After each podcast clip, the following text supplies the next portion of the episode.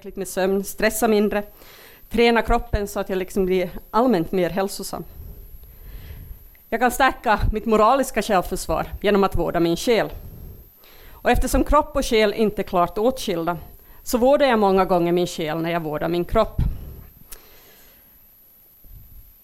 Det är ofta lättare att handla gott när jag överlag mår bra. Men jag måste också vårda min själ genom att se till mina tankar, genom att fundera på hur jag börjar tänka på mig själv när jag mår dåligt och liksom upptäcka det. Hur lär vi oss se en människas själ och dens tankar när den inte mår bra? Och hur tar vi hand om själar som inte mår bra? Moraliskt självförsvar är nödvändigt i en tid då vi tankemässigt lätt verkar kunna smittas av argumentativa svängar och uttöjda, mångtydiga begrepp. Olika tankar kan plötsligt börja låta rimliga, såsom de invandringskritiska rösterna. Hur kunde jag då ha tänkt att de tidigare liksom uttryckte någonting korrupt, när de nu låter så vettiga som det enda möjliga? Här måste jag fråga mig själv vad det är som har hänt, när vissa tidigare främmande synsätt börjar kännas som de enda möjliga. Har jag gått med på något som är bra? Har jag fått en insikt? Har jag utvecklats som människa? Eller har jag blivit smittad av en tankestruktur som är fientlig och som kanske också kan bli farlig, både för mig själv och andra? Vad vill och kan jag stå för? Hur kan jag försvara mig själv mot retoriska angrepp på min och vår moraliska integritet? Men nu ska vi börja vårt samtal. Jag tror att alla är ivriga att komma igång. Och vad vi kommer att göra här är att vi fyra till att börja med kommer att värma upp och introducera till olika te tematiker som berör frågan Vem är en främling? Vi kommer att göra det cirka 40-50 minuter. Sen tar vi en paus, cirka en halvtimme. Senast halv åtta, allra senast halv åtta ska vi vara tillbaka här, kanske lite tidigare. Och sen är det dags för er att få delta i samtal. Men för att ni redan nu ska på något vis också få, ni som sitter i publiken redan nu ska få komma igång, så ska jag, har ni fått ett små post-it-lappar och där ska ni till att börja med få tänka på en fråga. Och den första frågan som jag vill att, tänk, att ni ska tänka på, ni får gärna skriva den på den gröna lappen, är när kände jag mig senast främmande inför någonting? Ta en kort stund och så skriver ni ner det, den situationen.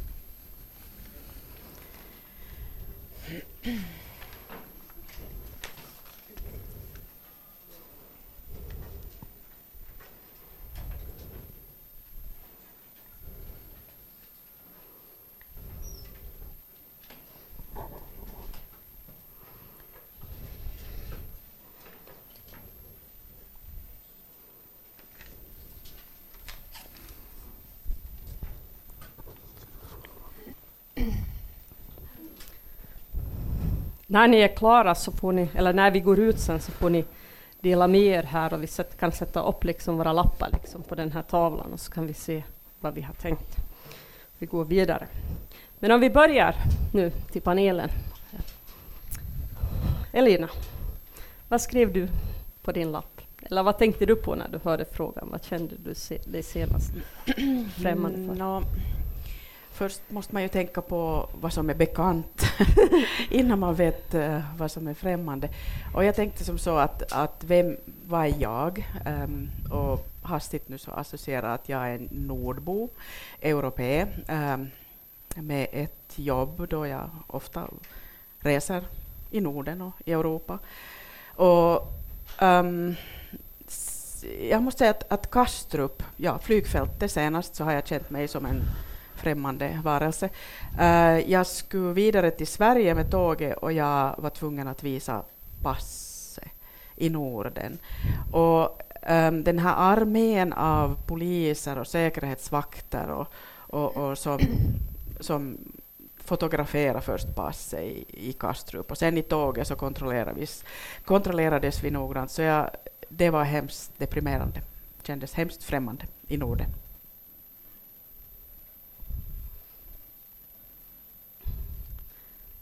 Vill ni flika in med någonting om ert främmandeskap? Eller? Mm, jag tycker att, eller jag kom direkt att tänka på att när jag vaknar på morgonen så, så känner jag mig främmande varje morgon för världen. Men det där. det är någonting med det här liksom tillstånden mellan, mellan att man är vaken och sover och vaken som, som gör ibland att man känner, känner sig lite främmande. Jag tror det är, helt, det är en helt bra grej om man som lär sig att, att fundera på det där. På sådana här liksom gränssituationer var någonting inte riktigt, man vaknar och man förstår kanske inte riktigt var man är och vem man är. och så gör man vissa saker ganska automatiskt för att känna, känna igen sig själv och veta vem man är och, och, och liksom etablera sig i den vakna världen. Jag säger inte det här för att låta väldigt skum, men det var det första som jag tänkte på. Jag lämnar nu Caroline här lite och säger att det var intressant att vi å ena sidan hade liksom någonting som handlade om den rådande situationen och sen hade vi ett slags främmandeskap som inte alls hade med flyktingströmmar eller någonting sånt att göra. Hur många av, av er var det som skrev någonting som har att göra med den här flyktingpolitiken att göra till exempel? Det var ett par personer, inte många. Hur många skrev om någonting annat? det var många flera. Så det, det, är spännande att se om vi tänker att det, det, det, just nu verkar som man läser med, följer med i media och så vidare, så är det just de här flyktingsakerna som ska väcka liksom frågor om främlingskap och så vidare. Och, eh, på ett sätt när vi nu, om vi nu går mera in på frågan då, liksom, vad är främmande och vad, är, vad gör någon då till en främling? Liksom? så skulle jag säga att man väl många gånger tänker att liksom, det som är främmande är det som är annorlunda. Alltså så här, att det, för att någonting är annorlunda och nytt och konstigt så känner vi oss främmande för det. Men många gånger så möter vi på saker som är annorlunda som inte alls gör att vi känner oss speciellt främmande. Vi talar om att vi vill ha mer omväxling eller ombyte och variation i tillvaron. Vi vill söka nya utmaningar vill komma ur de vardagliga rutinerna. Så det att någonting är annorlunda måste inte alls vara något, ett problem för oss. Hur ska vi förstå det här, Caroline? Mm. Jag tänker att vi lever i ett samhälle och i en kultur där det här rätten att välja själv är en självklar värdering och då är det inte så konstigt att just det vi väljer själva, även när det kanske i somligas ögon ses som någonting annorlunda eller konstigt, att det upplevs som någonting positivt. Medan annorlunda skap, främlingskap, när det är annorlunda som tvingar sig på oss, tränger sig på vår bekvämlighet, det som är vanligt och normalt, så är det någonting som upplevs som negativt, främmande eller skrämmande. Och jag tror att vi har en berättelse alltså om vilka vi är eller vilka vi borde vara och vad som ingår i det här vanliga livet. Och vad en som bryter mot den berättelsen vi har så upplevs som annorlunda, främmande och kanske skrämmande. Det kan vara annorlunda kroppar eller det kan vara annorlunda sociala beteenden.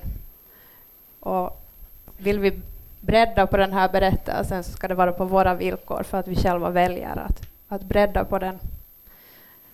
Och jag skulle säga att förenklat så är, är det annorlunda någonting som, som vi inte känner till.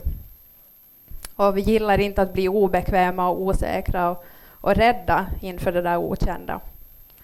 Och många beskriver till exempel hur de blir väldigt illa till mods när de möter en människa med funktionsnedsättningar. Eh, de blir besvärade av den här för den här tvistade eh, dysfunktionella kroppen eller deras okonventionella sociala beteenden eller deras sätt att prata som inte passar in i våra modeller. Och jag tror det är samma mekanismer i rörelse när vi möter på främlingar. Och jag tror att den här oförmågan och ibland oviljan att försöka förstå det här annorlunda um, öppnar upp för möjligheten att skapa stereotyper kring det annorlunda, där det kommer fram på ett fult sätt när vi stämplar det annorlunda som någonting ont och det syns i beskrivningar som asylsökande som är våldtäktsmän eller tjuvar eller kvinnohatare eller någonting. Eller omvänt när vi beskriver eh, sådana som är negativa till den här flyktingströmmen eller en, en öppen flyktingpolitik när vi beskriver dem som kriminella eller idioter eller på något sätt beskriver dem i termer av lägre stående medborgare. Och jag tror att vi alla behöver anamma en, en, en större eftertänksamhet just därför kring det annorlunda. Antoni, filosofen Hannes Nykänen, han, han, sa en gång i ett samtal att främlingsfientlighet, det är att vi inte handlar om att vi känner oss fientliga mot det som är annorlunda, utan att vi ser andra som annorlunda för att vi på ett sätt är fientligt inställda till dem. Hur reagerar du på ett sådant påstående? Det är ett sätt att svänga på ska vi säga, mm. den här främlingsfientlighetstematiken. Nej, jag får inte riktigt kanske grepp om, om just den distinktionen, men jag tror att det, det ligger liksom att det, liksom det är rätt ställe att börja gräva på, att man funderar att vad, vad är det som gör att liksom det som är främmande skapar någon slags rädsla eller hat eller, eller så vidare bortåt. Och jag tror att där, där behöver man inte alltid liksom se på andra människor för att komma fram till det, utan man kan se just på hur man själv reagerar till saker och, hur man själv reagerar till det som är främmande. Att jag tror att alla har en sån här, liksom både en, en, en positiv och liksom utforskande och nyfiken reaktion på det andra eller den, det som är annorlunda eller det är på något sätt nytt eller så, så kan vara spännande. Men sen finns det också en annan möjlighet var man, var man liksom ser det främmande som, som någonting hotfullt och som på något sätt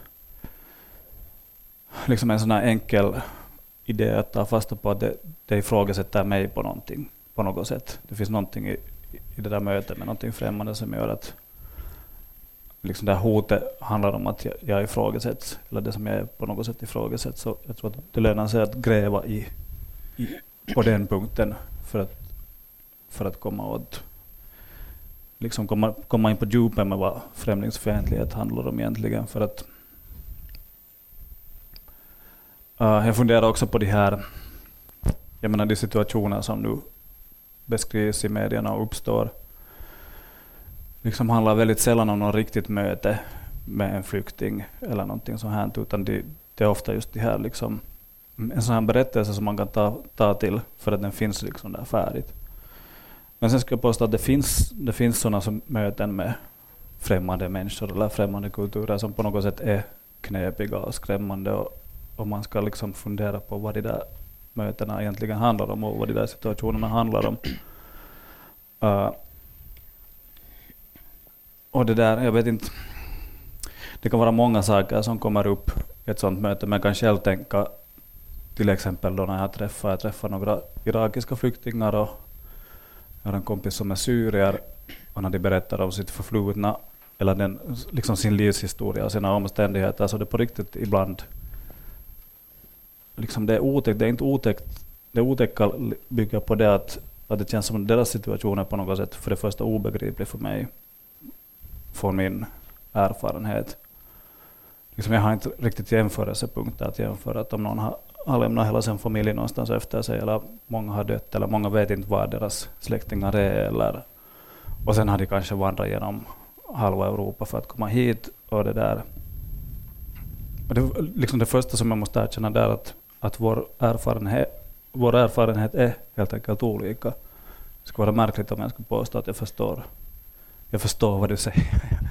Det är liksom det, det som man alltid säger, att jag förstår dig, jag, jag sympatiserar med det, men liksom jag har inte den grunden riktigt. Liksom, och jag säger inte att man inte skulle kunna nå dit, och jag säger inte att det... Liksom jag tror att just de här situationerna är viktiga, men det finns någonting där som är moraliska frågor, som liksom handlar om utsatthet och, och liksom djupare moraliska frågor som, som på riktigt är utmanande. Och jag tror att man ska eller jag vill gärna liksom ta upp dem till diskussion. Uh, för att jag tror att där, där ligger liksom no, någon slags kärna till den här främlingsfientligheten. Alltså, bara för att säga kort, jag tror egentligen att det handlar ofta om en utmaning som man tror att eh, man, man inte kan tampas med. Att någon, någon berättar någonting som är så tungt att jag förstår inte hur den där människan kan bära det. Och jag kan, känner att jag kanske inte kan liksom, ta emot de här sakerna. Jag tror att jag kan. jag tror att jag kan liksom vägen ut för mig själv från ett sånt tänkande är att jag tänker att om någon har upplevt det där så ska jag kunna sitta här och lyssna på det. Liksom det, det är en sån deal som jag kan göra liksom med vem som helst som berättar saker åt, åt mig. Att om, om jag tänker att det som jag hör nu är ganska, låter fruktansvärt och tungt så, så är det fortfarande människan som har berättat det här åt mig som, som bär på den här erfarenheten och är i en annan position till den där grejen än jag. Jag kan liksom ha ett visst privilegium med att bara sitta där och lyssna. Men det är sådana tankar som den här mm. väcker hos mig. Alltså, du talar ju nu ganska mycket om sådana situationer var du möter någon och, mm. och det är liksom det här mötet med den andra och dens väldigt annorlunda erfarenheter som gör att du på ett sätt kan känna dig främmande samtidigt som det finns en slags önskan om att, om att uh, på ett sätt tala, på något sätt kanske också förstå. Men, men sen har vi liksom alla de här diskussionerna som kanske omger liksom flyktingar som du nämnde som inte alls handlar om att vi har mött mm. någon på riktigt utan det handlar om att hela den här situationen upplevs skrämmande och svår. Och, och, det finns alla möjliga sätt att liksom omskriva främlingen på sätt och vis. Man talar om både legala och illegala flyktingar, och man talar liksom om såna här ekonomiska flyktingar, såna livsstilssurfare och sånt. Då kan man fråga sig liksom att vad är det här uttryck för? Är det, det ju helt klart inte samma svårighet här. Men jag tänkte nu, eftersom vi har alla de här begreppen och det kan vara svårt att göra det, och vi har liksom Elina här som kan hjälpa oss att lite reda ut de här. Hur ska vi alls förstå allt det här pratet liksom juridiskt? Vad, Okej, okay, så att alla begreppen som man nu använder om, om utlänningar. Um, det var ju en utmaning som heter duga. Um, no, jag skulle kanske börja från en sån här enkel sak att när um, man som rättsvetare, jurist ser på um, det här, så det handlar om förhållande mellan stat och individ. Och vi har ju ett system som bygger på att vi har stater som har territorier och stater har rätt att ganska långt bestämma vem som kommer in. Det är ganska enkelt. Uh, och vilket betyder att vi gör um, sådana här distinktioner mellan medborgaren, som har väldigt stark status, och sen så har vi icke-medborgaren, utlänningen, den andra. Och sen när vi flyttar ännu dit till den här utlänningen, så där finns det sen, vi har um, nordbor, EU, medborgare. De, de har ganska starkt status uh, ännu om man tänker på Finland till exempel. Men sen när vi flyttar från den kategorin sen vidare så, så blir det här där sen olika begrepp börjar också användas i, i den politiska diskursen på ett sådant sätt som ingalunda liksom är juridiskt vettigt, men, men, men till exempel det här som du nämnde, illegal, legal. Um, och, um, det, det, är fullständigt det är omöjligt att komma från Syrien på ett uh, legalt sätt. Därför att för att kunna göra det på ett legalt sätt så borde man få visum och det får man inte. Så det enda sättet att komma från Syrien hit är att göra det illegalt. Eh, så eh, det är för mig liksom nonsensargument att någon är illegal eller legal, därför att om den människan sen söker asyl i Europa, så vilket man alla människor har rätt till, att söka asyl om man är förföljd, så, så det, är liksom, det är det som är relevant och inte det att eh, vad som helst har hänt. Så att det, men det, i den här politiska diskussionen, så särskilt det här illegalt, så används därför att vi har vi har kontaktpunkter. Att vad, vad betyder illegalt? Det är någonting obehagligt säkert. Det, det är jobbigt. Så jag är väldigt allergisk mot, mot det där. Um, sen är förstås att när det gäller det här livsstilssurfare, så jag tycker att just nu så är jag livsstilssurfare, för jag gör någonting roligt. Ser du, jag surfar här, det här är min livsstil, jag får jobba med sånt här. Nåjo, skämt åsido, men, men att det, det att um, vi har migranter av olika orsaker kommer utlänningar hit, och, och uh, vi vill ju ha såna här toppkunnare, men, men sen så får vi alla möjliga liksom, människor som kommer hit på grund av familj eller arbete, studier uh, och så vidare. Men men sen så har vi också kategorier av människor, eh, det som Tony var inne på, det här, som är utsatta. Och det är just de här människorna som söker då internationellt skydd eh, på grund av att, att man inte till exempel kan leva i Syrien för tillfället, ett, ett drägligt liv överhuvudtaget. Eller de söker eh, internationellt skydd någon annanstans, de flyr från någon annanstans ifrån därför att de, de förföljs på grund av eh, deras religion eller etnisk tillhörighet och så. Och den här utsattheten, så där finns det förstås mekanismer hur man kan liksom med juridikens hjälp sen komma in, men, men, men att det, det är sant nog att, att den här de här begreppen ska man vara försiktig med, för de används också för att stämpla människor och, och styra diskussionen till sådana spår som, som egentligen inte är, är det är inte, essensen i, i diskussionen är inte egentligen där. Jag tyckte att det var, när vi talade lite grann om det här tidigare, så diskuterade vi också just det här um, UNCHRs liksom flyktingdefinition och vad den betyder och liksom i vilket sammanhang den har uppkommit. Och, och mm. jag menar, det, det, är kanske någonting som har, har, varit förvirrande för mig liksom, när den här stora flyktingsituationen kom fram och sen var det så här, är de flyktingar eller inte, eller har de rätt att liksom ges flyktingstatus? För jag tror för gemene man så känns det så att om någon flyr från ett krigshärjat land så förstås är det en flykting, förstås är det någon någon som har tvingats fly och är inte en flykting. Kunde du säga ja, någonting till? Och, och det, jag undrar inte alls att gemene man, äh, äh, lekmän, kvinnor, så är förvirrade, för det är faktiskt ganska svåra juridiska frågor. Att om man tänker på att ordet flykting, så strikt taget så hänvisar till en person som förföljs på grund av en viss orsak, antingen då religiösa eller etniska eller politiska uh, orsaker. Um, och, och det, det är en ett begrepp som, skapade, som har skapats efter världsk, andra världskriget och, och, och, som, som liksom kanske inte riktigt... Den, den bygger hemskt mycket på att en individ är på grund av någonting förföljd. Och det som vi nu bevittnar förstås när det gäller Syrien, så det är klart att det kan finnas människor, eller Irak eller Eritrea, varifrån nu de flesta kommer, så det kan finnas också individuella grunder varför man är förföljd. Men, men de flesta flyr från Syrien till exempel, så det, därför att det, det är krigshärjat land, det går inte att vara där. Och sen, man, det tryggaste är att använda begreppet människor som söker internationellt skydd. Så då, då, är det, då, då hamnar man inte i någon sån här underliga finlir. Eh, och, och det, det är liksom egentligen onödigt det här att vara väldigt medveten om att vilken kategori. Att människor som söker internationellt skydd, så, så det, det är helt tillräckligt nog för lekmän och kvinnor. Men äh, det, det, det, förstås liksom, det finns något viktigt i att man känner till all den här rättsapparaten, också för att man inte ska förledas av folk som börjar använda de här begreppen mm, just för att liksom locka oss att tänka på ett visst sätt, eller just få se det här, är illegala, och på det viset får de inte, och det och det.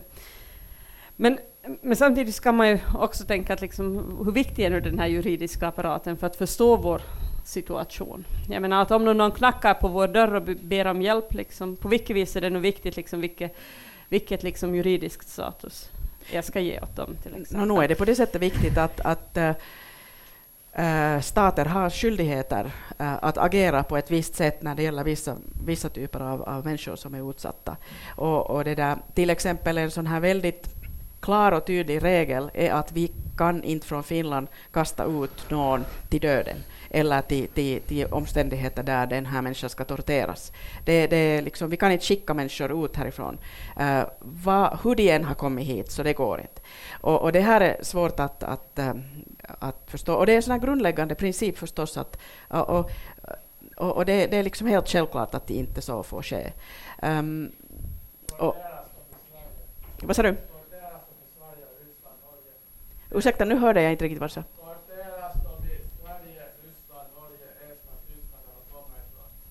Eh, de kommer inte nödvändigtvis därifrån.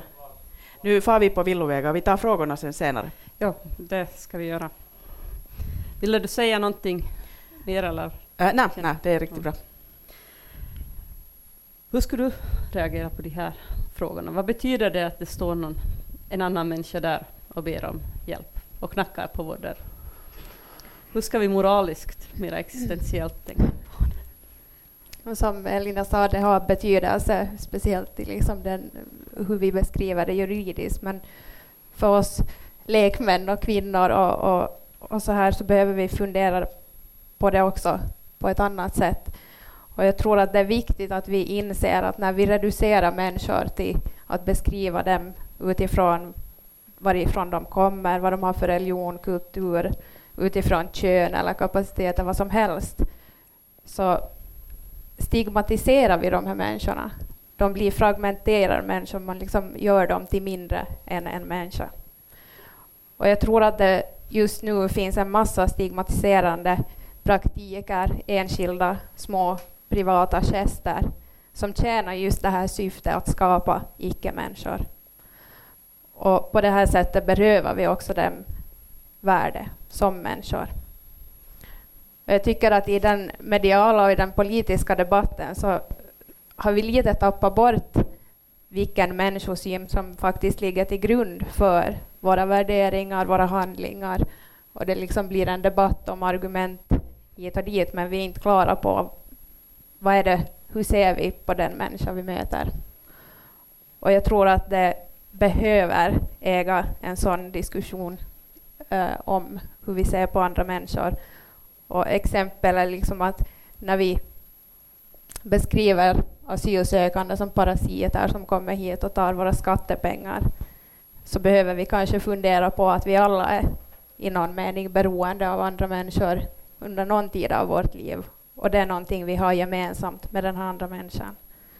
När vi tycker att vi är självständiga människor, autonoma människor som har rätt att besluta om, om våra liv, så behöver vi kanske också ta fram och fundera på hur jättestor del av vår identitet som formas i relation till andra. Hur mycket av vårt, vår person, vårt liv som är beroende av hur andra ser på mig, hur andra behandlar mig.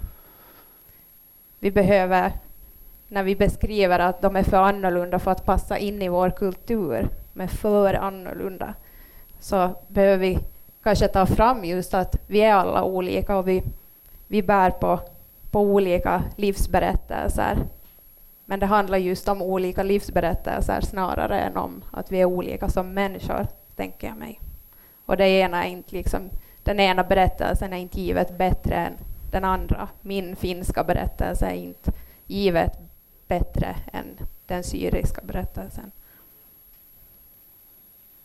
Jag tänker att när vi beskriver asylsökande som siffror i statistiken så behöver vi också komma ihåg att det här är riktiga människor som har frusit i vattnet i Medelhavet. Det är människor som känner, som skrattar, som gråter. Och det är människor som har behov. Vi bygger ganska långt våra mänskliga rättigheter på mänskliga behov. Och vi behöver komma ihåg det här. Så det här är bara några exempel på hur man kan fundera på vilken människosyn vi har, men jag tänker att grundläggande är ändå att människans existens behöver föregå beskrivningar av den andra människan och att det här på något sätt är en förutsättning för att vi ska ens kunna handla gott och ansvarsfullt mot vem som helst.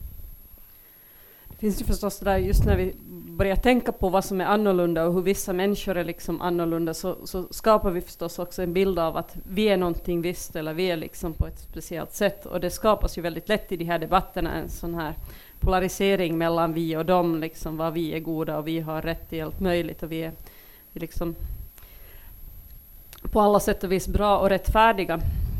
Och vi kunde säga att bara det att vi nu sitter här och det är vi som håller på och talar om dem som är främmande i sig inte är liksom en lösning på problemet utan i sig ett uttryck för de problem som vi har.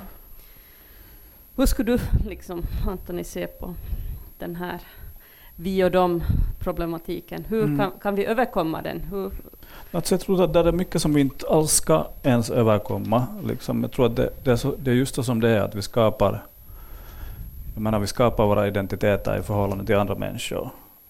Om alla andra människor skulle vara precis lika som jag så skulle jag inte, liksom, det skulle inte ske någonting. Jag skulle inte ha, någonting, jag skulle inte ha en identitet. Om jag skulle, liksom, identiteten upphör inte, eller en, liksom, europeiska värderingar eller vad vi vill, vill tala om, upphör inte då liksom, när det, när det finns olikhet, utan det upphör då när det, inte fin, när det finns bara liksom någon slags likhet eller någon slags grå massa. Det, det är liksom det där riktiga hotet för, för en kultur. Och det där tycker jag att man missar liksom starkt i den här diskussionen idag. Att liksom, vad vi än diskuterar, så liksom om vi toppar bort en sån här färdighet att uh, vara i diskussion med någon som tänker annorlunda eller umgås med människor som är olika eller uh, fundera på människor från andra kulturer, hur de, hur de på deras sätt och, och liksom komma till någon slags förståelse för det här, så, så då, då förlorar vi liksom, uh, ska jag säga allt som på ett visst sätt det innebär att vara en liksom bra eller sund kultur själva. Liksom. det, det är den här dynamiken som och liksom, den dynamiken är inte liksom oproblematisk. Det kanske är friktioner och det kommer att uppstå gräl och det, allt det här. Men att, men att på grund av att det finns en utmaning där så, så tycker jag att det är absurt det här tanken att vad skulle vara alternativet? Någon slags enhetskultur. Liksom alla, alla projekt som man strävar efter någon slags enhetskultur som stater eller rörelser hade inte gått något vidare, för skulle jag påstå så här helt ur hatten rivet. liksom. Det kan vi diskutera, men så, det är liksom sådär min gut feeling angående det här att, att vi måste på ett visst sätt ha en kunskap att, att tas med andra kulturer och andra människor och det som är olika. Och det är liksom en färdighet som, som kan potentiellt föda bra saker om vi, om vi kan förvalta det, men det är det som jag tror att det är en risk nu för tillfället så som det ser ut i Europa att, att den här tanken kom, håller på att på något sätt man sjabblar bort den idén helt enkelt. Jag tror att det också är väldigt viktigt att komma ihåg förstås att vi inte liksom är eniga i vår kultur, eller att liksom mm. de vi är inte alls är det, eller att rädslor inte alls ser likadana ut i olika samhällsgrupper. Till exempel, det vill säga, jag, jag har, för mig är det mycket enklare att liksom känna mig som ett vi tillsammans med en, en liksom asylsökande akademiker som på sätt och vis liksom har någorlunda samma referensram, liksom, som på något vis vill jobba för att göra saker bra eller liksom ordna integrationen på ett vettigt sätt, än vad det är att liksom mötas av uh, någon sån här soldier of audience som tycker att man nu måste ut och försvara det, eller liksom som hotar om våldtäkt liksom för att försvara liksom, uh, kvinnors rätt att inte bli våldtagna av asylsökande. Att, vet du, vi tar frågor senare. Jag, jag, vad, vad är din fakta? Berätta åt mig. Vad, vad är det som du vill berätta? Jag, jag, sa inte, jag, jag, nämnde Soldiers of Odin som en sak och sen nämnde jag andra människor som hotade. Bra att lyssna noggrant innan Det är bra, du, du, får komma och prata sen, men du ska ha någonting att säga. Jag sa inte Soldiers of Odin, men Soldiers of Odin går också väldigt bra ihop med det. Deras retorik om att man ska skydda kvinnor och barn och så vidare går väldigt bra ihop med de som, säger, som skickar hatmejl och så vidare. Det är, det är inte svårt att inte se det. Så jag, kan, jag kan väl säga, jag är rädd för Soldiers of Odin och jag är rädd för de andra, fast de inte har någonting med Soldiers of Odin att göra. Det intressanta är ska vi säga att det är det som gör mig rädd. Du kan fråga, fundera på vad är det som gör dig rädd? Islam gör inte mig rädd. Vad gör vi med det här? Fundamentalister gör mig rädda. Då får de vara uh, ateister, kristna, muslimer, någonting annat. Men all form av fundamentalism, när man börjar tro sig se en väldigt specifik sanning, det gör mig och tror att det som man själv ser, utan att reflektera över det, att det är sanningen, det gör mig oerhört rädd. Men stanna gärna och fundera på saker. Nej. Hej. Hej. Nu, nu talar vi inte om det. Okej, okay, ska vi göra så? Kan du vänta lite? Alltså det, nu har vi en diskussion som pågår och det här och sen, så, och sen, sen, efter, sen efter, efter att vi har haft paus här så kommer vi att ha möjlighet att kunna ställa frågor så gör vi det i turordning. Det, det hör till så följer vi alla de, reglerna så här. Det hör också till de europeiska värderingarna, också till det finländska samhället, att vi följer liksom regler, vi ser och jobbar i en gemenskap, att man inte bara kommer in och tar över och gör vad som helst. Så hålls lite grann. Vi har någon i publiken som är väldigt rädd för islam. Ah. Jag funderar lite på andra saker än, än det här med som kom in på här just det där för jag tror att det, det, finns mycket som man måste reda ut med det här uh, liksom grundfrågan att vad är, vad är främlingsfientlighet och, och så det, det har någonting med det här att göra att nu tappar liksom lite bort mig. Du var inne på ett spår där före vi blev avbrutna. Jag talar om olika rädslor i olika samhällsgrupper. Mm. Eh, om jag får spinna vidare här, så alltså det, det att man eh, eh, kommer överens att, att vi nu då får yttra oss fritt här eller, eller att vi diskuterar dessa frågor så betyder ju inte att vi, vi tycker att allt det, det som någon främmande hämtar med sig behöver vara positivt. Att inte det, det liksom, och, och det, det, det förutsätter ju ingen. Att, det är klart det att, som du var ju inne på här lite, att, att det är klart att det uppstår alla möjliga liksom, frågor och funderingar och, och, hur ska vi liksom i praktiken sen sköta om, hur ska vi liksom leva upp till de ideal som vi försöker då konstruera, att hur, hur ska det funka sen i klassrummet, hur ska det funka äh, på föreläsningarna vid ÅA, hur ska det, att, att det, det är sådana praktiska saker sen som får vi, vi får ta sen, men, men att det, det är liksom jag tror att många som är väldigt rädda så tror att man måste liksom ge bort allt.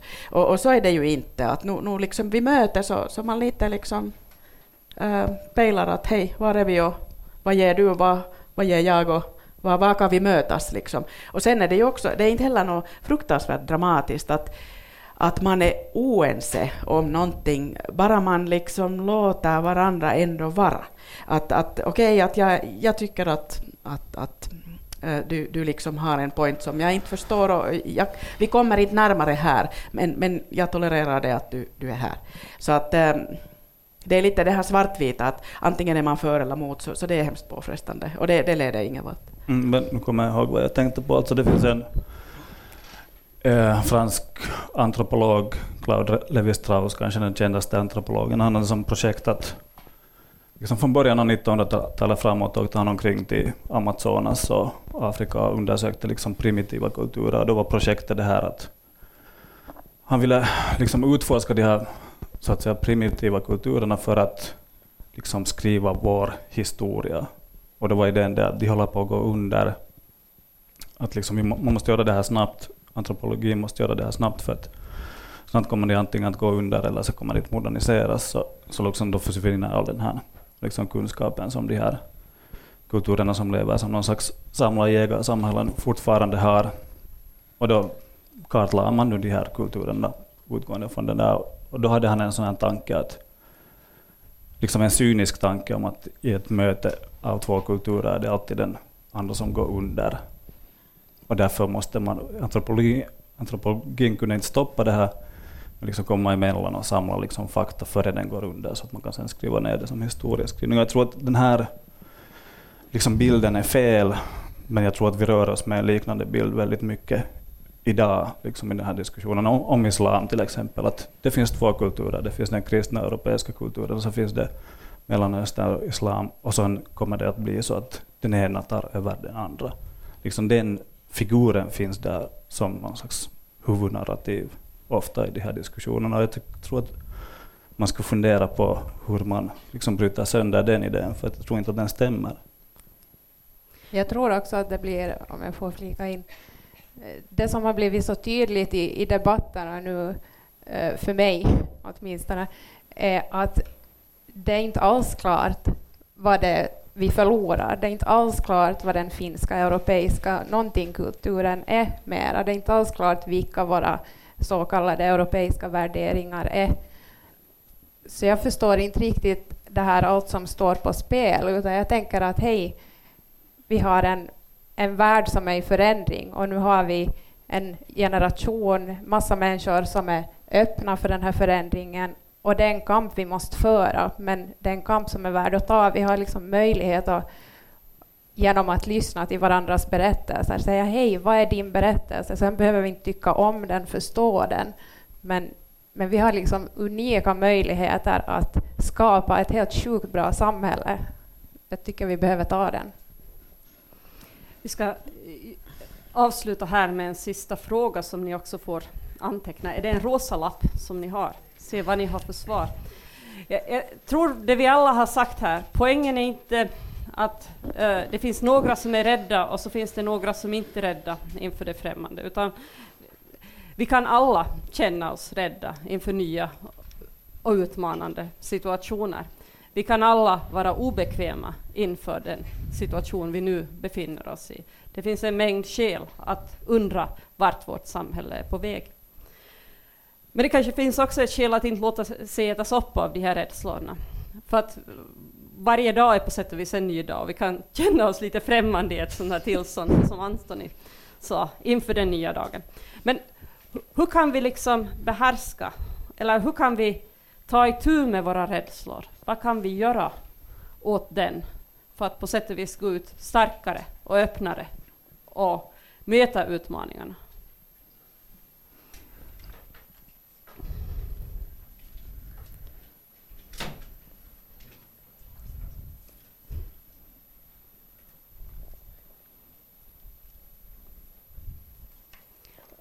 Och det här är förstås en sån här fråga som man uh, lär sig besvara när man studerar på universitet. Så jag tänkte om ni kort kunde leverera ett svar på den. Gör det om vi har samma svar. Måste jag börja? Börja du. Aha, okay. Det där... Um, givetvis att man vet vad man talar om. Att, um, och det förutsätter att man ta reda på fakta, är redo att lyssna på andra och, och, och liksom att man är alltid redo att fråga sig att hur, hur vet vi det här? Och, och, och, liksom att man tar in olika perspektiv och sen efter det här så bildar sin uppfattning. Jag tror att liksom, det, det, är väldigt enkelt att svara på den här frågan och sen är det väldigt svårt att ta den där utmaningen på riktigt. Att liksom om jag är rädd för någonting så det som jag ska göra är att jag ska möta den där rädslan. Om någonting känns ångestfullt och svart och mörkt så ska jag söka mig kanske närmare det där och titta på det. Och se det faktiskt så mörkt och svart och ångestfullt ut sen när jag liksom kan betrakta det från nära håll eller liksom möta det på något sätt. Uh, men den liksom egentliga utmaningen är då i liksom det levda livet förstås, att, att kunna göra det där, att kunna möta sina rädslor. Och det, är inte alltid, det går inte alltid så, som, så att man bara bestämmer sig för det och går ut och gör det, utan det är liksom mer utmanande än så. Men det tror jag på att att jag skulle vilja se den här diskussionen också, titta på den här Yle, Yle vad hette den, turvattomuusilta igår, diskussionen som det var mycket snack om på förhand. Och det var också det här problemet, det fanns inte så mycket av de här flyktingrösterna. Samtidigt som man diskuterar flyktingar, samma som vi har problem nu här för tillfället. Liksom, men, att, men att jag skulle hoppas att speciellt medierna, eller de som tror sig ha en åsikt om de här sakerna, eller vill diskutera de här sakerna, ska liksom söka sig till, till det här som de diskuterar. Gå och snacka med en irakier på en flyktingförläggning och fundera sen efter det att tycker du ännu lika och är du, skrämd, är du skrämd av samma orsak som du var skrämd när du gick dit? Liksom. Jag, tror, jag tror att det löser de här knutarna. Och det kommer att visa sig, visa, liksom, man kommer åt någon annan värld som också kan vara skrämmande, men kanske inte just på samma sätt som man tänkt sig från början. Jag håller helt med. Sen skulle jag kanske ännu bara säga att jag tror inte det är så farligt att vara rädd. Alltså, klart det finns uppenbart farliga situationer, men just den här rädslan för det annorlunda, rädslan eh, för asylsökande, det är inte liksom... Det är okej okay att vara lite rädd. Och man behöver inte vara ensam, man kan ta en kompis med och gå och besöka en flyktingförläggning. Det finns ganska många av dem. Och Många av dem har eh, öppet husdagar så man behöver liksom inte känna att man är ensam där utan man kan vara i, i större grupper. Och väldigt många som har varit har upplevt att, att det har varit en ögonöppnare när man ser just det här, hej vi är i första hand människor, vi sitter och äter tillsammans, vi har liksom, jag tror det är jättehälsosamt och det, ja. Jag ska inte säga så mycket mera jag ska, än det här. Jag håller helt med. Liksom att sitta vid samma bord ett antal gånger tillsammans med andra som ändå på något vis kan kännas lite främmande och obekvämt. Man kanske inte delar helt och hållet ett språk som man kan tala med. Man undrar lite hur tänker, hur tänker de här om kvinnor? Hur tänker de om homosexuella? Hur tänker de om det ena och det andra? Det kan vara väldigt betryggande att bara liksom sitta där och man märker att det var inte så himla farligt. Det var bara liksom den här känslan jag hade. Nu börjar det bli dags för paus, men jag har en sista uppgift för er. Det ena är att ni får sätta upp era saker hit. Men alla vet att när vi har talat om att känna sig obekväm och främmande, så att komma till en sån här tillställning kan också kännas obekvämt och främmande. Det är, mm, om man inte känner liksom den där lilla gruppen med människor som man kan prata med i pausen liksom, och som man sådär äh, drar sig till för att slippa liksom utsättas för det obekanta. Så, så jag har en utmaning och en uppgift då till er nu i pausen. Och det är liksom tala med någon som är främmande, alltså någon som ni inte känner förut. För är det inte, så, är det inte uh, betecknande på sätt och vis för den finska kulturen och inte ett speciellt vackert drag i den finska kulturen att vi till exempel talar om sådana som ska komma på besök till oss, kanske till och med våra släktingar, som våra främmande. Jag menar, kanske det är bra att inte känna sig så främmande för varandra hela tiden och också mötas. Så nu när jag har sagt det så kanske det är lättare att fråga hej, vem är du till någon annan. Vi träffas här då om en halvtimme, så 25 över 7. Och ni kan då gå ner till kaféet. Det kommer säkert att vara en liten sån här grupp som rör sig ditåt så att ni hittar nog vägen fram. Tack så mycket att ni har lyssnat och kom tillbaks med många bra och intressanta frågor. 25 över 7 säger alltså Camilla Kronqvist som är vår diskussionsledare och kaféet hittar ni nere på gatuplan. Hon hälsar där nere att de stänger alltså för, för veckoslutet. Det är alltså ett övningscafé för Åbo yrkesinstitut. De har stängt imorgon så de har inte så jättemycket saker att köpa och att äta men åtminstone dryckformar där. Så jag lovar att vi tar det som det är när vi går ner. Så välkomna ner den som vill och så gör vi som Camilla sa och de som då sitter i panelen som, som är inte är främmande för varandra eller som är främmande så vi har ett bord faktiskt åt er tyvärr ordnat där nere så det gäller också Mia och Maj-Helén. Och lämna... Vi ska sitta och vara Vi ska vara icke Lämna inga värdeföremål här, det kan säkerhets skull.